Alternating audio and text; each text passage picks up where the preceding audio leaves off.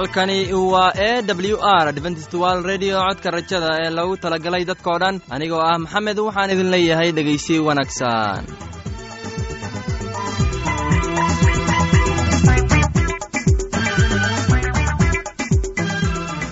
barnaamijyadeena maanta waa laba qaybood qaybta koowaad. Waxaad ku maqli doontaan barnaamijka nolosha qoyska. Uu inoo soo jeedinaya heegan kadib waxaa inoo raacaya cashar inaga imaanaya bugga nolosha. Uu inoo soo jeedin doono sulaymaan. Labadaasi barnaamij ee xiisaha leh waxaa inoo dheer heese daabacsan oo aynu idiin soo xulnay kuwaas oo aynu filayno inaad ka heli doontaan. Dhegeystayaasheenna qiimaha iyo khadradda lehow waxaynu kaa codsanaynaa inaad barnaamijkeenna si habboon u dhegaysataan. Haddii aad wax su'aalaha qabto ama aad haysid wax tale ama tusaale fadlan inala soo xiriir dib ayaynu kaga sheegi doonaa ciwaankeenna. Bal intaynan u gudagalin barnaamijyadeena xiisaha leh. Waxaad marka hore ku soo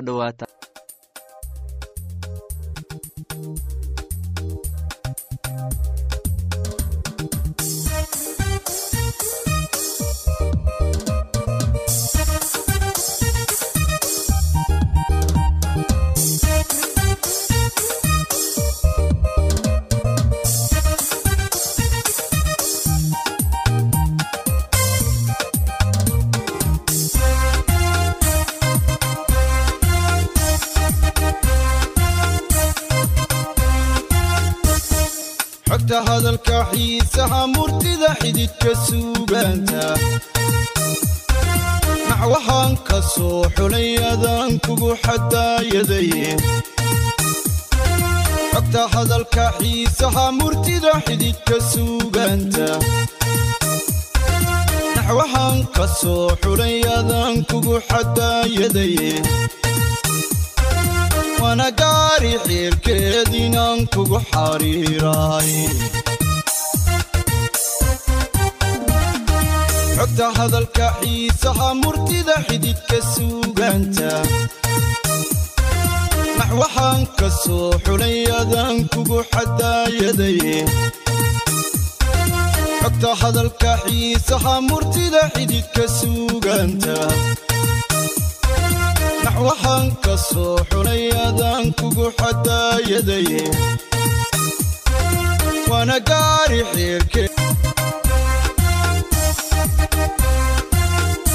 xiirke adaan kugu xushmeeyay ishaxaasidiintiyo naxligu kuma xumeeyaani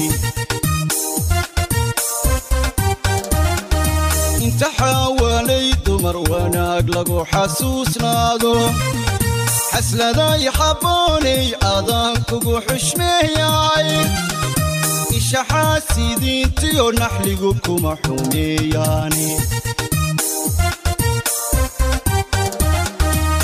naftan aan xajiiniyo laaxayn weer ku xaganaysaa oo runi xalaalaysay baad ku xaragootaay. Qalbi xaadhan baad leedihiyo laab xaruuriyahe xubnageenyaalayey allageenyaa ugubay naftaad xiise gelisaay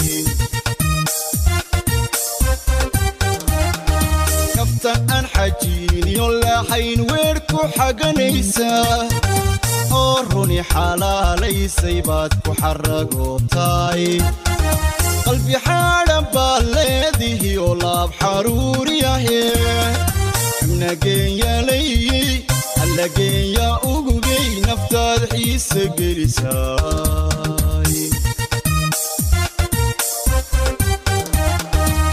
kaftan aan xajiiniyo laxayn weer ku xaganaysaa oo runi xalaalaysay baad ku xaragootaay qalbi xaadhan baad leedihiyo laab xaruuriyahe xubnageenyaalayey allageenyaa ugubay naftaad xiise gelisaay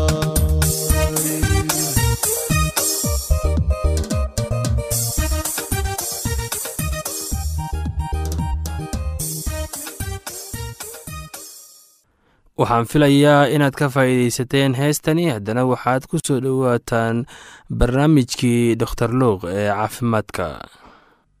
Dhegeystayaal weli waxaynu ku guda jirnaa dhiikarka waxaynu iswaraysanaynaa waa maxay wuxuu ka leeyahay doctor luuq sida loo daaweeyo dhiikarka dhiikarka sarreeya wuxuu geyn karaa wuxuu dhegeystayaal weli waxaynu ku guda jirnaa barnaamijkeena dhiikarka maanta waxaynu fiirinaynaa daaweynta dhiikarka sida uu doctor luuq qoray dhiikarka sarreeya. Wuxuu geysan karaa dhaawac joogto ah oo xubnaha sida kale ah wadnaha maskaxda keliyaha iyo xididada dhiigga.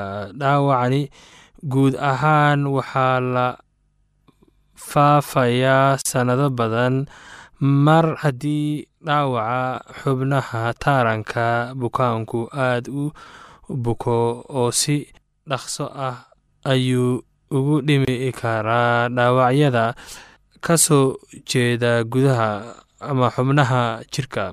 Tusaale ahaan qof wuxuu ku dhici karaa stroog kaadis ah kadibna sannado badan oo dhiig kar ah. Su'aalaha muhiimka ah ayaa laga xootegi karaa dhiigkarka waxaa la daaweyn karaa dhiiga karka kadib markuu koro. Hal su'aal oo kama dambeyn ah miyaa dhibaatooyin halis ah ee dhiiga la daaweyn karaa ee kadib markii dhibaatooyinkii bilowdaan si fadhi sida faliga ama cudurka keliya ah culeeyo sameeyo. Cadaadis dhiiga oo sarreeya ayaa aad u batay afrika waxaa caan ku noqday isu soo ururinta deg dega ah ee nolosha iyo culayska iyo cadaadiska nolosha. Jiweme waa oday da-weyn oo xanuun ka soo booday kadib sannado badan oo dhiigkar ayuu qabay. Dhibaatadu waxay ahayd inuusan ogeyn inuu qabo dhiikarka wuxuu weydiiyey dhakhtartiisu sidii dhiikarka sare looga hortegi karaa. Dhakhtarkiisu ayaa u sheegay inay haa tahay jimicsi fiican iyo cunto wanaagsan waa inuu cunaa mar weliba dhakhaatiir iyo waxyaabo badan ayaynu ka hadalnaa laakiin ogow bilowgii ilaaha samada iyo dhulku abuuray kadibna kitaabka barakeysan ee towraadka iyo kitaabada kale sida qur'aanka ayaa sidaa lagu sheegay. Marka awood weliba dhinaca rabbiga ayay ka imaataa subxaanahu watacaala oo ilaah baa yidhi ina imaada aynu ku caafimaadeen oo isticmaala kutubada sida kii qur'aanka si aad noloshaada u beddesho oo aad u noqoto qof rabbigiisa adeeca mar weliba oo xanuunka kalluunka badda iyo hawada iyo wixii oo dhan oo ku jiraan dhan iyo bani aadan oo dhulka jooga dhan rabbiba abuuray isaga mas'uul ka ah badanaa dhakhaatiirta waxay siiyaan awood aan xaggooda jirin laakiin daaweynta cudurrada waxaa ku shaqalay rabbiga. Ilaahay wuxuu arkay wax kasta uu sameeyey oo aad bay u wanaagsanaayeen. Marka haddii ilaahay ina abuuray wuxuu runtii leeyahay waajibaad ah inuu inoo sheego sida loo adeegsado noloshaada. Sidaasina waxay ku qoran tahay kutubka suuban ee ee qur'aanka kariimka.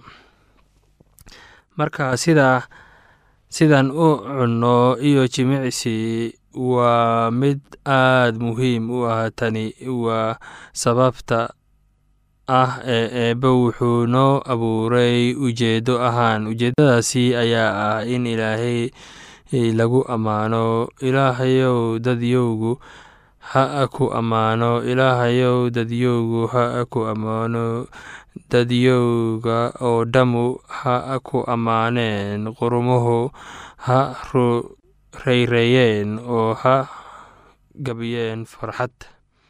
Waayo adigu dadyowga aad u gaarsoor ah oo qurumaha dhulkaad xukuntay tan waxay leedahay rabitaankeenna inaan ku ammaano ilaaha sababtoo ah mar weliba rabbiga ayaa caafimaadna siiya. Waa inaan doonaynaa inaanan ku caasinin rabbiga oo ammaana isaga. Qayb ka mid ah ee ammaantani waa sida aan u ammaano isaga qaabka labaad ee aan u ka hortegi karno dhiikarka markii lagu daro jimicsiga waa inaan helno cunno wanaagsan. Sidee kani u cuni karnaa markii hore? In miisaan aad u sarreeya jirka ku darsamo dhiigga.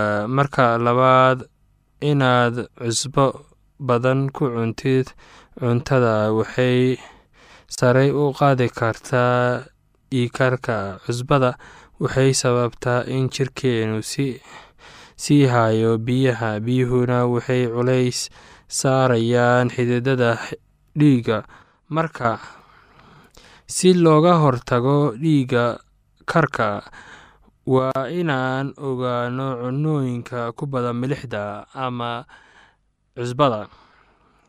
Tan saddexaad waa inaan cunno miro aad u badan iyo khudrad. Tani waa sababta ah miraha iyo khudradda waxay leeyihiin kaloor yar marka loo eego cuntooyinka kale. Barnaamijkii dor luuq waa mid muhiim ah waxaan filayaa inaad ka faa'iideysateen haddana waxaad ku soo dhowaataan heestan daabacsan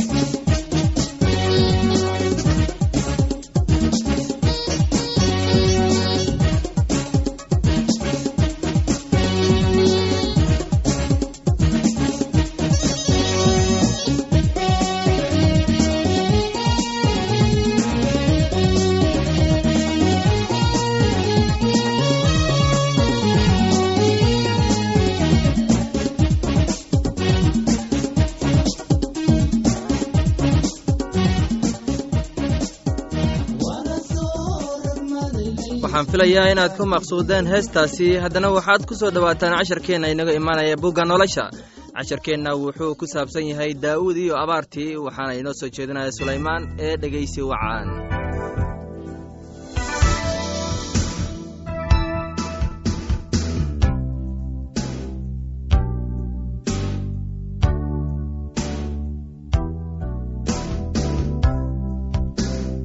oo wakhtigii daawuud abaar baa dhacday intii saddex sannadood ah oo sannadkaba sannad ka dambeeyo markaasaa daawuud rabbiga baryey rabbiguna wuxuu yidhi tanu waxay ku timid saa'ool iyo reerkiisa dhiigga qaba. Maxaa yeelay wuxuu laayay reer gibcoon. Markaasaa boqorkii reer gibcoon ku yidhi oo ku yidhi haddaba reer gibcoon ma ay ahayn reer binu israa'iil laakiinse waxay ahaayeen dad ka hadhay reer aamuur oo reer binu israa'iilna way u dhaarteen iyaga. Oo saa'ool baa wuxuu damcay inuu laayo iyaga qiiradii uu u qabay reer binu israa'iil iyo reer yahuuda aawadeed. Oo daawuud wuxuu reer gibcoon ku yidhi war maxaan idiin sameeyaa oo maxaan kafaargud u bixiyaa si aad dhaxalka rabbiga ugu ducaysaan oo reer gibcoonna waxay ku yidhaahdeen annaga iyo saa'ool iyo reerkiisa waxaana dhex yaalla maa xaal ku eg lacag iyo dahab oo aanana dooni mayno inaannu reer binu israa'iil nin ka dilno. Markaasuu ku yidhi haddaba wixii aad tidhaahdaan waan idiin samaynayaa iyana waxay boqorkii ku yidhaahdeen ninkiina baabi'iyey oo ku fikiray in nala laayo oo aanan dhex deganaan wadaankii reer binu israa'iil oo dhan ha naloo keeno toddoba nin oo wiilashiisa ah oo rabbiga ayaannu ugu daldalaynaa gibacdii saa'ool kii rabbigu doortay. Laakiinse boqorkii wuu badbaadiyey mefiboshet oo ahaa ina yonatan ina saul maxaa yeelay dhaartii rabbiga ayaa u dhaxaysay daawuud iyo yonatan ina saul laakiinse boqorkii wuxuu soo qabtay labadii wiil ee risfaah ina aya oo ay u dhashay saul kuwaasoo ahaa armoni iyo mefiboshet iyo shantii wiil ee mikaal ina saul oo ay u dhashay adri'eel ina baarsiley kii reer mexolaad oo wuxuu u gacangeliyey reer gibcoon oo buurtay ku daldaleen rabbiga hortiisa oo toddobadoodiiba way wada dhinteen oo waxaana la dilay xilligii beergoyska maalmaha ugu horreeya marka shaciirta la gooyo.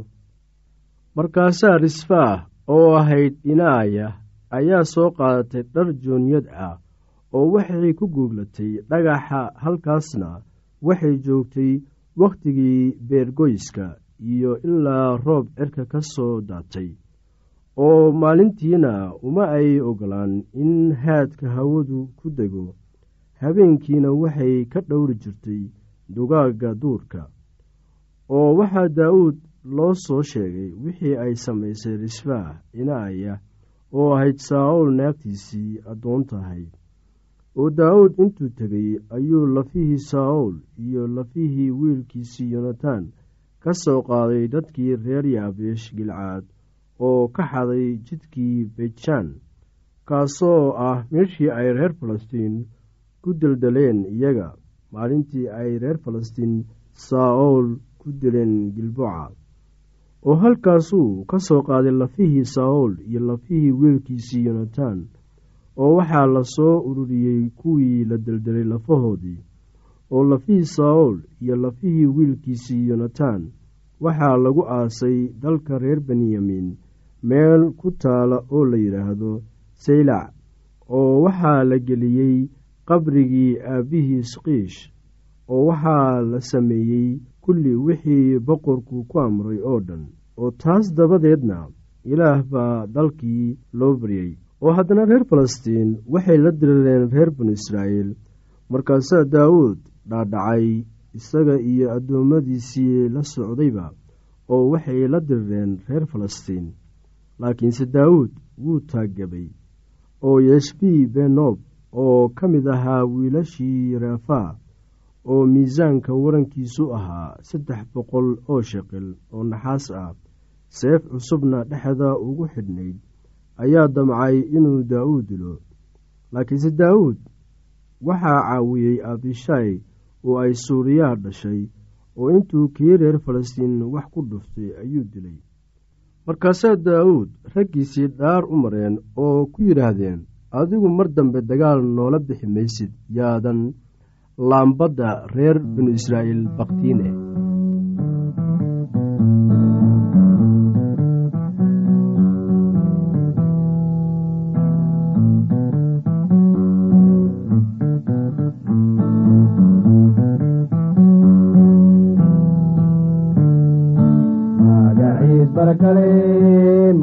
magaciis barakale magaciis barakale rabbiga magaciis barakale magaciis barakale magaciis barakale rabbiga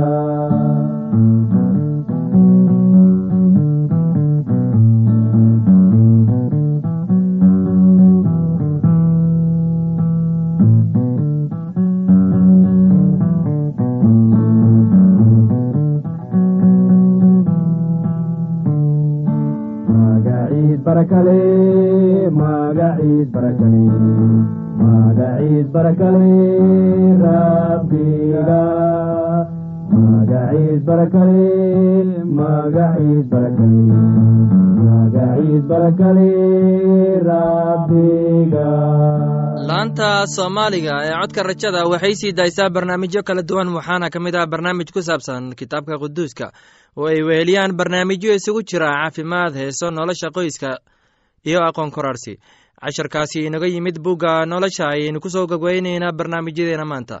Halka aad inagala socoteen waa laanta afka soomaaliga ee codka rajada ee lagu talagalay dadkao dhan. Haddaba haddii aad doonayso inaad wax ka kororsato barnaamijka caafimaadka barnaamijka nolosha qoyska ama aad doonayso inaad wax ka barato bugga nolosha fadlan inala soo xiriir ciwaankeenna. Waa codka rajada sanduuqa boostada afar laba laba todoba lix nairobi kenya. Mar labaad ciwaankeenna waa codka rajada sanduuqa boostada afar laba laba todoba lix nairobi kenya. Waxaa kaloo inagala soo xiriiri kartaan emeilka somali e w r at yahu dt com. Mar labaad emeilka waa somali e w r at yahu dt com. Dhegeystayaasheenna qiimaha iyo khadradda lehow meel kasta aad joogtaan intaa mar kale hawada dib ugu kulmayno anigoo ah maxamed waxaan idin leeyahay sidaas iyo nabadgelyo